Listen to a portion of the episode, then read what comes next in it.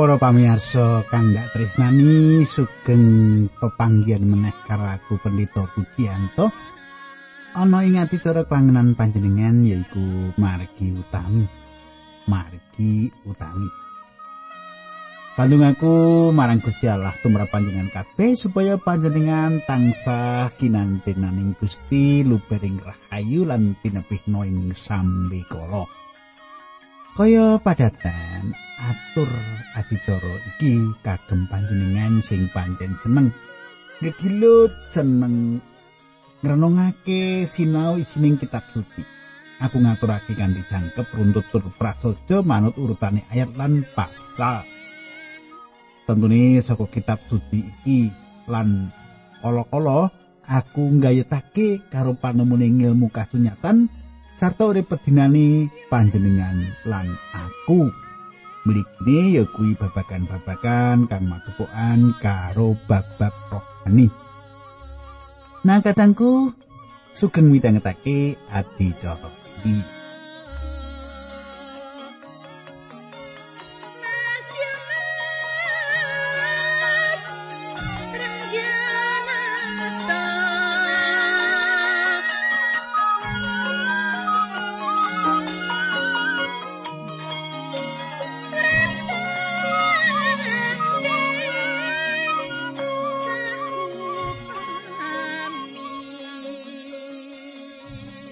Para pamirsa, panjenengan tentune kelingan andaran kang aturake kepungkur.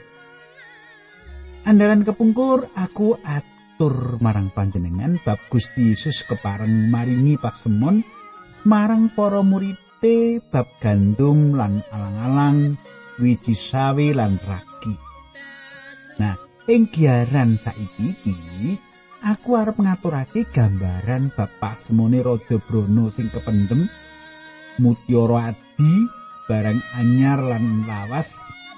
Apa panjenengan uga wis tau mireng? Maca bapak semone iki?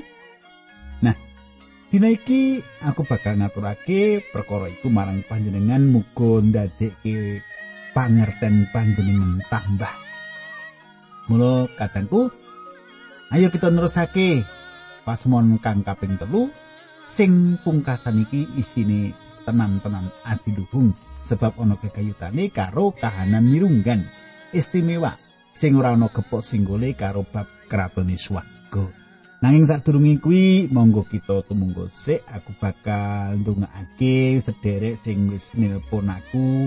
Marga adicara iki tenan-tenan dadi berkah ya. Ibu Siti Aisyah nggih Gusti Aisyah kados pundi pawartos panjenengan nggih. Panjenengan remen nggih mirengaken ati cara menika nggih. Mugi-mugi saged dados berkah panjenengan sak keluarga nggih Ibu nggih. Lan salam kula kangge Pak Naryo nggih kagem panjenengan. Nah, kula monggo kita tumungkul kita ndedonga Kanjeng Rama ing swarga kawula ngaturaken ing panuwun menawi wekdal menika kawula saged tetunggilan lan saged sesarengan srek kawula kawula ndongaaken Ibu Siti. Ingkang samenika kepareng Gusti berkahi kesangipun lan kanthi acara menika dipun kiyataken Gusti mitulungi lan Gusti berkahi. Kawula pasrahaken wonten ing asta paduka acara menika mboten namung Ibu Siti kemawon. Nanging sedherek kawula ingkang midhangetaken nanti cara menika. Tinambaran asmanipun Gusti Kawula Yesus Kristus kawula tunggu. Haleluya. Amin.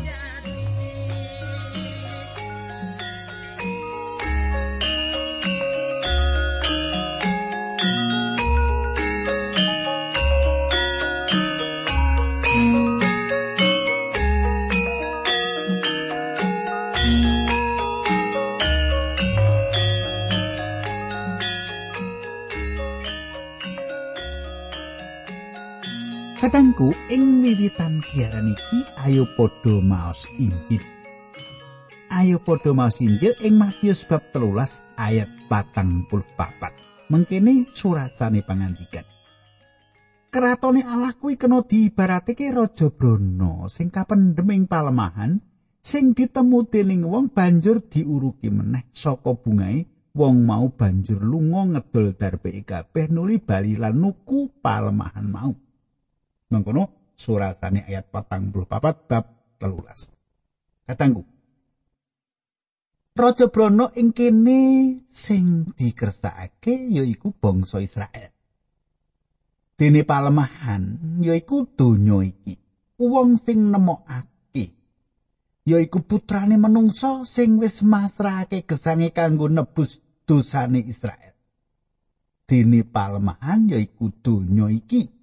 Wong sing nemokake yaiku putrane menungsa sing wis masrahake gesange kanggo nebus dosane Israel. Ora kok Injil iku dituku utawa ditebus dalaran wis ana lan sumadya ora kependem kaya pasemon iki. Nanging Israel saiki kaya-kaya kapendem ing tengahing donya dinane iki. Pancen Israel wis dadi sawijining bangsa nanging kudu isih cancut taliwondo. kudu isih berjuang. Bangsa Israel durung ngrasake tentrem lan rahayu ing tanah mau. Kadangku ana tulisan sing ditempelake ing gegere wong ing sajrone sarasian para ilmuwan. Para ilmuwan tulisane ngene mung kanthi ilmu kasunyatan wae negara iki bisa tentrem. Mung kanthi ilmu kasunyatan wae negara iki bisa tentrem. Ah, tulisan iki ngayawara ya. Ngelmu kasunyatan ora bakal bisa nggawa tentrem tumrap Israel, uga tumrap bangsa ing donya iki. Tentrem rahayu mung bisa ana ing astane Gusti Yesus duru wilujeng, rajaning katentreman lan rajaning karahayon. Kenyataane pancen bangsa Israel prasasat kapendhem ing donya iki. saperangan gedhe bangsa Israel ora manggon ana ing Israel nanging ing New York uga sumebar ing ngendi-endi negara. Gusti Allah durung tau kendel nggone nglacak kahanane bangsa iki. Rasul Paulus nulis ing Rom 11 ayat 1 Rom 11 ayat 1 nganti tekan loro mengkini Yen mengkono aku takon apa kirane Gusti Allah wis nampe umat babar pisan ora. Aku dhewe iki ya wong Israel tedak turune Rama Abraham saka talar Benyamin. Gusti Allah ora nampe umat sing wis dipilih wiwitan. Mula kowe padha ngerti surasane ayat ing kitab suci bab Nabi Elia nalika ngugat bangsa Israel ana ing ngarsane Gusti Allah. Kadangku Paulus percaya yen Allah turung kendel nggone ngurus Israel. Sakaria ing perjanjian lawas ngandhake yen dina anyar iku bakal dialami dening bangsa Israel. Saiki ayo maca Sakaria rolas ayat 10. Aku bakal ngesokake roh isi sih rahmat lan pandungo marang anak turune Daud lan wong-wong sing manggon ning Yerusalem. Mulane bakal padha ndeleng wong sing wis disuduk dhewe nganti mati lan nangisi sing disuduk mau kaya wong sing nangisi anake untang-anting. Nggone nangisi nganti keloro-loro kaya wong sing nangisi anake mbar. Kadangku, uga Nabi Yeremia ngandhakake bakal baline kabeh bangsa Israel sing dituntun dening astane Allah. Iku bakal kelakon ing wektu sing bakal teko. Kumpule bangsa Israel dening Allah bakal kelakon kanthi pangiram-iram gedhe. Kelakone nganti bisa nglalekake lalakon lolose. Bangsa Israel saka negara Mesir sing tansah dipengeti gedhe. Gusti Allah durung lereh anggone ngurus bangsa Israel iki. Ing pasemon iki sangsaya nyethakake kahanan sing dumadi saiki. Bangsa Israel di ibarati kaya dene raja Brono sing kapendhem ing sawijining palemahan. Jalaran saka renaning penggali Sang Kristus nyade samubarang kagungane kagem mundhut lahan sing ana isine raja Branaku. Iki gambaran yen Gusti Yesus wis kersa masrahke gesangi kagem nebus dosane bangsa Israel. Gusti kita Yesus Kristus wis kepareng netesake rai dadi korban kanggo nebus dosa bangsa Israel lan uga kanggo nebus panjenengan lan aku. Nabi Sakaria ngandhakake bab panyucene bangsa Israel nalika Gusti Yesus kepareng tumedhak ing bumi meneh. Sakaria terulas saya siji pangandikane pangeran kang moho kuasa mengkini ing wektu kuwi bakal ana sumber kaparingake marang turune Daud lan wong sing padha manggon ing Yerusalem kanggo ngumbah dosa lan najise merga saka nyembah brahala. Pasemon sebanjure Matius 45 ayat 45 bab 13 Kratone Allah kuwi uga kena diumpamake kaya dene wong dagang sing golek mutiara-mutiara sing larang regane. Ayat 46 bareng wis nemu mutiara sing adi dewi. Sanalika wong mau lunga ngedoli sabarang duweke kanggo nuku mutiara sing adi dewi mau. Kadangku. Penafsir sing populer sing misuwur ngandhake yen wong dosa iku sing digambarake juru dagang. Dene mutiara iku gegambarane Gusti kita Yesus Kristus. Dadi kanthi kabeh raja darpe didol supaya bisa tuku Sang Kristus. Ing sawijining lagu karane kurang luwih mengkini. Aku wis nemokake mutiara sing larang regani nganti atiku ngidung kasukan. Aku kudu terus ngitung jalanan Kristus wis dadi duweku. Muga laguku tansah dikumandangake. Sajake penafsiran iku mau luput ora duweni alsan sing maton. Sapa to golek mutiara sing larang reganiku? Apa para wong dosa sing golek kawilujengan? Kitab suci ora mratelakake kaya ngono. Lan akeh pengalaman urip ing peladusan sing ora nyondongi tafsiran mau. Juru dagang iku ora duweni dhuwit kanggo tuku mutiara mau.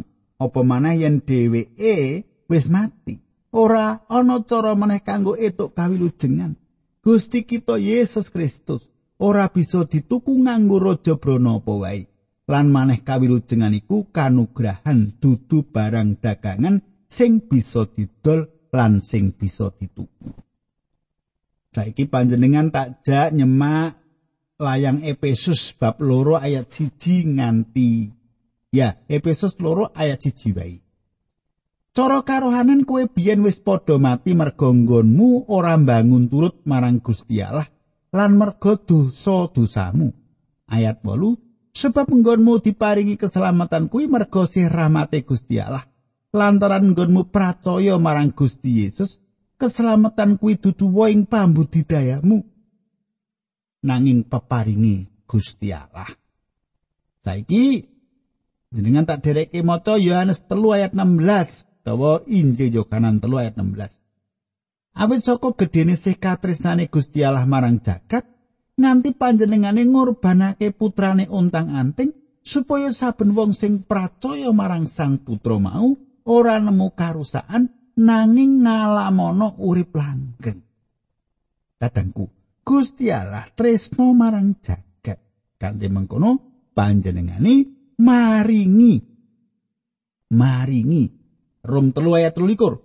Kabeh wis padha gawe dosa lan adoh karo Gusti Allah sing dadi tu ing keselamatani. Katengku, mong Gusti Yesus atu ing kawilujengan, sumbere kawilujengan.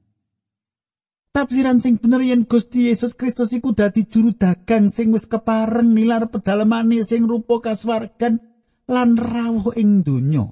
Sak perlu madosi seglintir mutiara sing larang regane.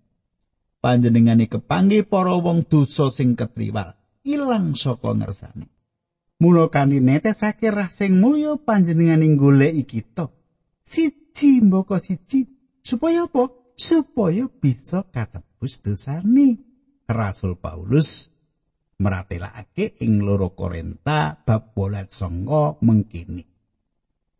Kowe ra wis padha ngerti bab sih rahmate Gusti kita Yesus Kristus sing senajan suge wis kersa dadi melarat merga kowe supaya srana kemlaratane mau kowe dadi suge katangku panjenengane nebus kita saka dosa kita ya mung panjenengane sing nuku kita saka kahanan dosa kita. Mutiara iku lambang pasemone gereja mutiara iku dudu batu mulya nanging diwangun saka kahanan sing urip. Ora saka sing mati kaya mangun batu mulya. Lelakon mutiara iku saka krikil cilik siji sing mlebu ing jero omahe kerang mutiara. Krikil iku gawe sangsara lan larane mutiara iku jalaran digerus-gerus dening perangan jeron awake karang iku. Kanggo nanggulangi rasa lara mau, kerang banjur ngetokake terus bangsane umbel sing kanggo nutupi lan bungkus krikil mau. Ing wusanane banjur mangun mutiara putih sing edipeni lan neng semake sapa wae sing ndeleng.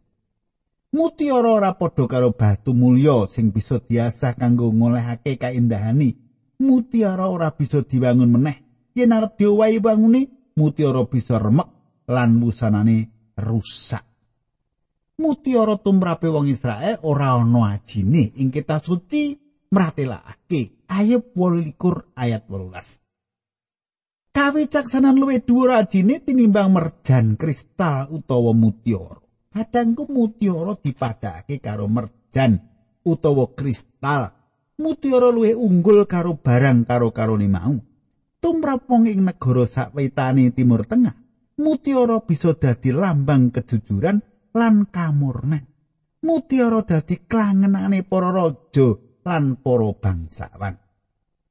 Pasmon iki mratelakake yen Sang Kristus juru dagang sing ora liya ya juru wilujeng iku tumedhak ing jagat saperlu mundhut lan mikul dosane para manungsa kanthi dipikul piyambak kanthi disarirani piyambak dosa iku kaya dene krikil sing mlebu ing sarirane Sang Kristus nuli panjenengane didadekake si dosa lan jalaran saka tresnani marang sapa marang kita.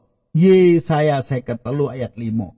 Satemening konku ditatoni kuwi merga saka dosa kita lan merga saka piolo kita panjenengane digebaki. Paukuman sing disandang ing sarirane kuwi sing nekakake keselamatan kita lan bilur-bilure kuwi sing marasake kita.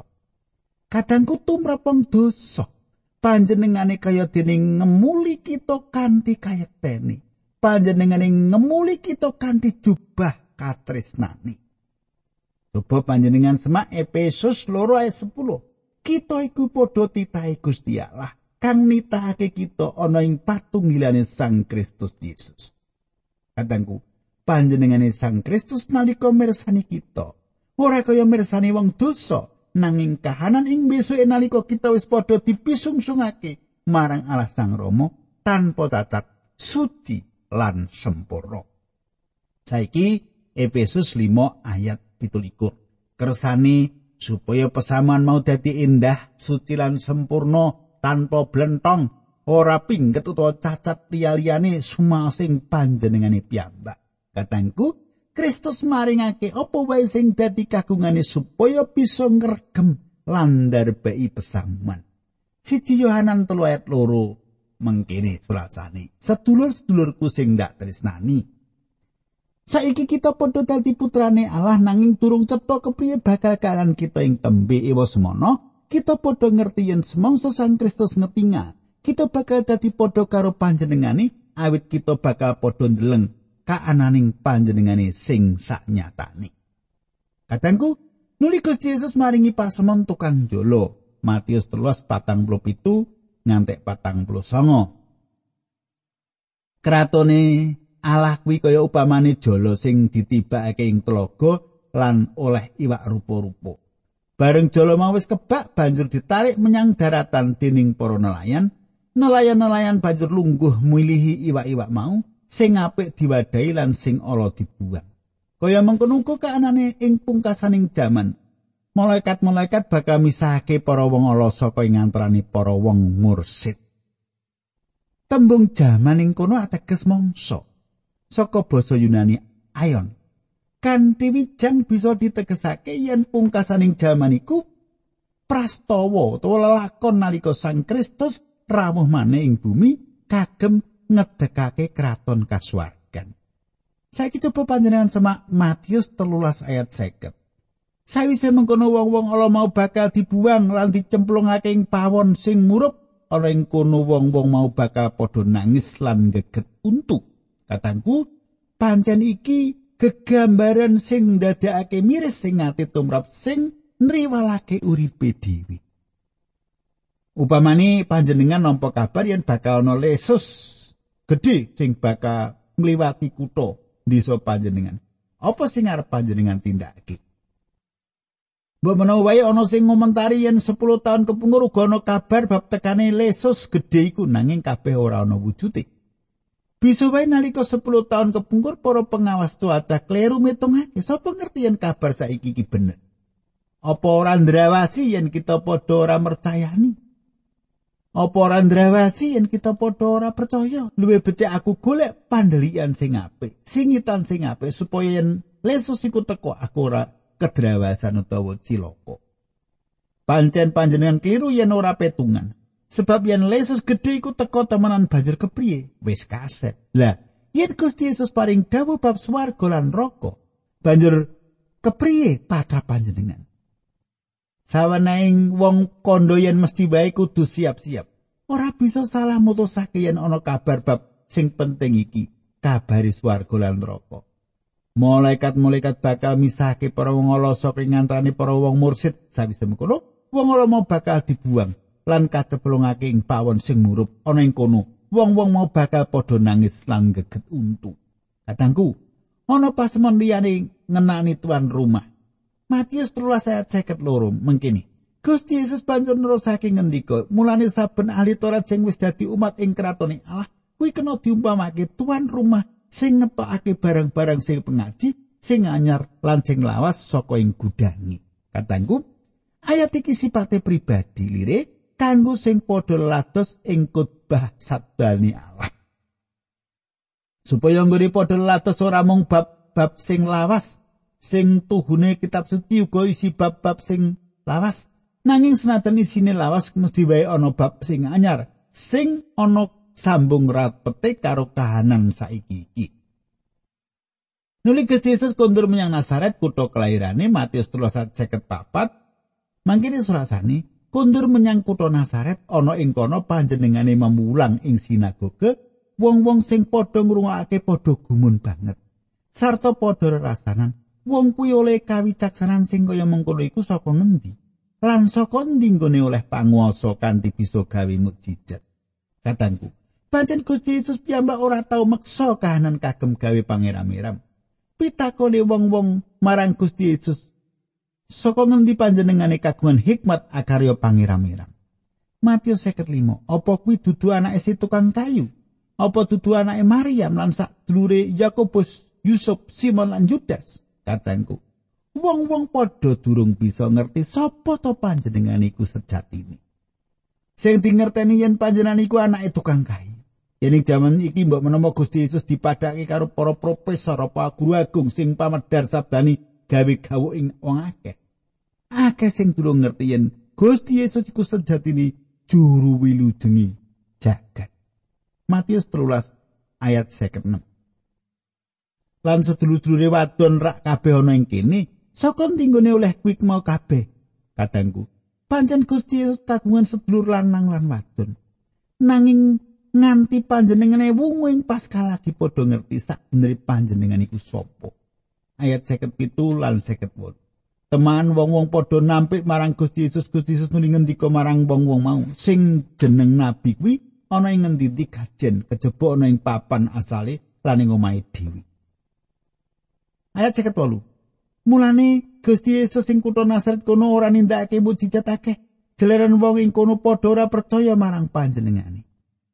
Kadangku, dalaran sugeng Sang Kristus sing keluargani sing prasaja saengga ing kutani panjenengane ora ditampi lan ora ditindakake ing Nazaret. Sumitraku, semene disiaturku muga-muga panjenengan kaberkahan kanthi kiaran iki.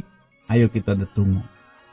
Kanjeng Rama swarga, kawula matur nuwun sanget menawi kawula saged ngegelut pangandikan paduka. Kawula nyuwun patus paduka berkahi linambar asmanipun Gusti kawula. Haleluya. Amin.